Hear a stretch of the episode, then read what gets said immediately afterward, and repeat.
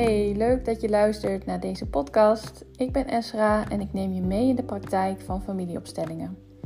Het vrouw zijn en het moederschap, zodat ook jij steeds meer inzicht krijgt in hoe je systemisch gezien jouw plek in kan nemen. Veel luisterplezier.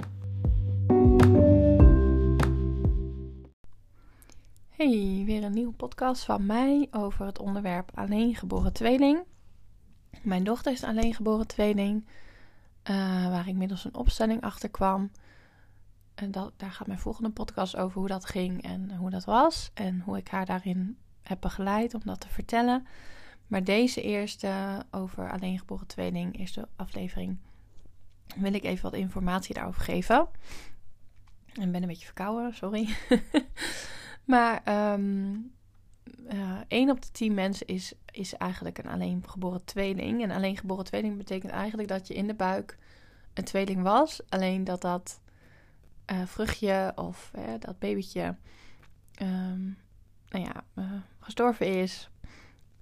Vaak was het ook nog zo klein dat de moeder dat niet eens weet.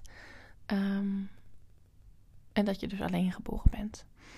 Um, en tweelinghelften die alleen geboren worden, hè, die kunnen echt een gelukkig en succesvol leven leiden. Dus hè, niks om daar helemaal zo down over te doen. Dat wil ik ook helemaal niet doen. Ik wil vooral wat info geven.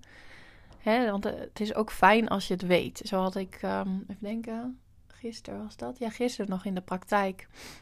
Een vrouw die, haar, uh, die zelf um, ook alleen geboren tweeling, maar, maar dat ze het wist. Hè? Dus alleen geboren tweeling kunnen het ook weten. Maar heel veel weten het dus ook niet. En we stelden haar um, systeem op, van nu haar gekozen systeem met haar twee kinderen, bleek in die opstelling dat haar zoontje ook alleen geboren tweeling is. Nou, is voor jezelf fijn om als moeder om te weten. En eens viel ook heel veel op zijn plek over dit kindje. En die is inmiddels, uh, even nadenken, wat zei ze nou? Tien, dacht ik. En um, ja, dat kan je gewoon helpen in de opvoeding. Maar ook om dit jongetje te vertellen. Zal hem heel veel rust geven. Nou goed. Dus daar even dit stukje over. Dus tweelinghelften die alleen geboren worden, kunnen echt gelukkig en heel succesvol leven leiden. Maar er zijn wel een paar thema's um, die vaak voorkomen en waar je wat tegenaan kan lopen als alleen geboren tweeling. Dat is eenzaamheid, moeite met verbinding, um, schuldgevoelens en angst.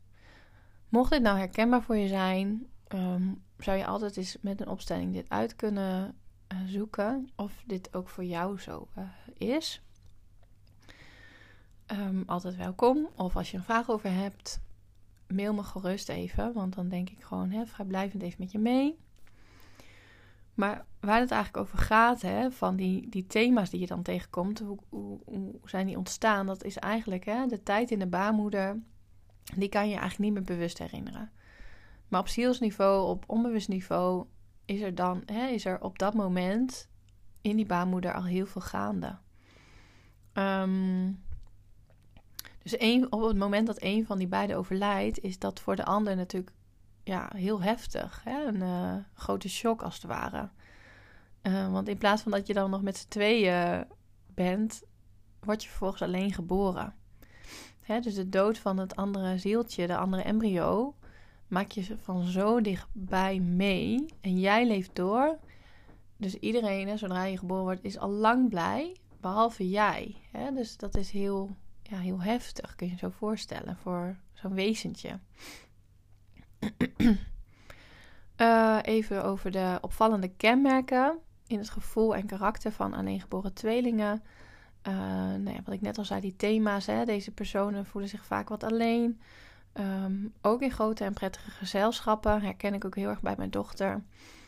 Uh, hij of zij heeft de neiging om vrienden heel dichtbij te laten komen. En vindt het tegelijkertijd ook lastig om zich echt met hen te verbinden. Een alleengeboren tweeling draagt ook vaak de eigenschappen van beide tweelinghelften in zich. Um, ontstaat vaak ook een verrassende mix. Uh, bijvoorbeeld alfa en beta staat er ook, of introvert en extravert. Um, nou dat is nog wel eens interessant. Als, mocht je zelf alleengeboren tweeling zijn, om daar eens na, over na te denken. Of misschien een kind te hebben die dat is. Ook is een alleengeboren tweeling heel vaak zoekende naar nieuwe ervaring. Dat levert hem of haar een kleurrijk leven op, maar zorgt ook voor verwarring rondom, ja, wie ben ik nou eigenlijk en wat kan ik nou eigenlijk? Dus het kan soms wel hè, intens zijn over het stukje wie ben ik, over je identiteit vinden. Um, ja, wat kun je doen als je weet dat je dit bent, of misschien dat je kind het is, hè, voor een alleengeboren tweeling? Is het heel belangrijk dat er bewustwording op komt. Dus uh, op het moment dat je dit weet, um, dat je dus je overleden tweelinghelft misschien mist of zoekt, kan dat heel veel rust geven. Op de momenten dat je die innerlijke onrust ook voelt. Um, ja, en, en mijn advies daarin is ook van, hè, ga er dingen over lezen. Er is zoveel op internet te vinden. Um, ja. Ehm, en geef het ook ruimte en tijd. Hè? Ook als een moeder, zelfs als ik toch kijk naar mijn eigen stuk hierin. Dat, hè, ik ga een andere podcast opnemen over hoe dat dan ging. Maar even kort hierover is... Um, ja, als moeder is het ook belangrijk als je dus een kindje hebt die alleen geboren tweeling is, dat je ook hè, daarom mag rouwen als het ware. Dat je dus eigenlijk drie kinderen hebt. En ja, toen ik dat ook voor me zag, was het natuurlijk ook heel intens verdrietig. Maar het gaf ook ergens rust van, hè, dit voelde ik al en nu heeft het plek. Hè, en vervolgens je kinderen begeleiden is dan weer een tweede. Maar ja, ook om dat nog even te belichten. Nou, mocht dit vragen oproepen, uh, ik had, uh, even denken, was het vorige week? Wat voor datum is het nu? Ja, vorige week woensdag, 6 december, een uh, sessie over, gaat sessie over jouw plek in de kinderrij. En er kwamen heel veel vragen ook over dit onderwerp. Dat was ook een hele mooie één op één mini-opstelling. en van een vrouw die haar broertje, dus alleen geboren tweeling is. En zij nam haar plek in de kinderrij in. En iedereen die erbij was, die weet wat ik bedoel. Ik kan het nooit zo goed herhalen of omschrijven zoals het natuurlijk is. Maar die vrouw die was zo verdrietig, maar niet van, ja, verdriet is niet goed woord. Hè, zo geraakt om eindelijk te voelen, maar dit is mijn plek. Hè, als derde in plaats van tweede, want naast haar broer stond dus nog iemand. Nou, als je dit voor het eerst hoort, dan denk je misschien, nou, waar heeft Esra het over? Ik zeg ook altijd, ga het een keer ervaren. Mocht je dat ook interessant vinden om hier verder mee te gaan, 21 januari ehm, heb ik een opstelling, opstellingenmiddag. Dat is op zondag van half twee tot half vijf. Echt gericht ook op vragen rondom je kind of, of gericht op je eigen kinderij. Dus daar zou, dit ook heel goed, uh, zou je dit ook heel goed voor kunnen gebruiken en heel goed een opstelling op kunnen doen.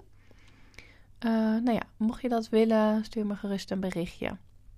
En uh, Verder nog een hele fijne dag. Doei doei!